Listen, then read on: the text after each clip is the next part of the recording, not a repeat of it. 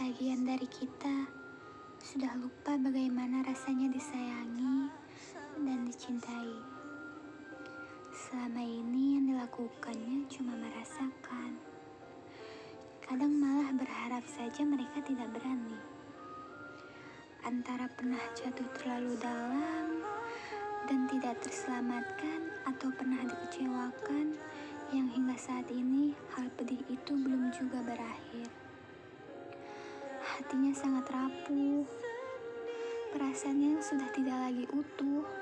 Memaksa mereka untuk tidak memaksa orang yang dicintainya bisa kembali mencintainya.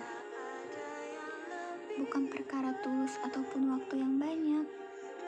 Mereka harus bisa mencegah daripada harus belajar mengobati lagi. Walau tidak bisa dihindari, sesekali jiwanya minta diisi dengan peluk, hadir, dan rasa yang cuma bisa diberikan dari hati yang lain. Tapi bisa apa mereka? Selain dengan menyayangi dengan cara mendoakan dan mencintai lewat mengikhlaskan, memang tidak semua rasa bisa bertemu dengan pasangannya.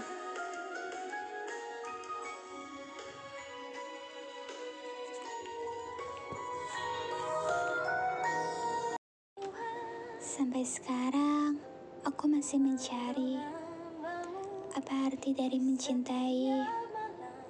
Apakah harus mengikat? Apakah harus bisa melepaskan? Apakah harus bisa merelakan dengan yang lain?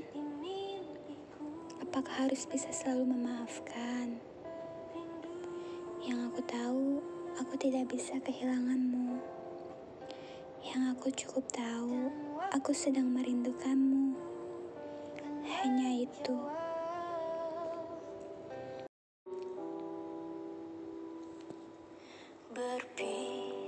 Waktu bergulir tergesa hari itu. Menyulap senja menjadi malam yang hadir terlampau awal. Langit sore terasa lebih muram dari biasanya. Lebih gelap dari seharusnya.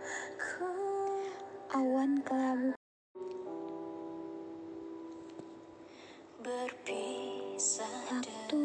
bergulir tergesa hari itu.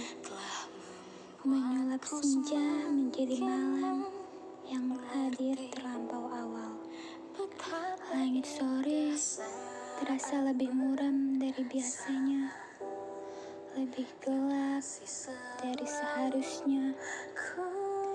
Awan kelabu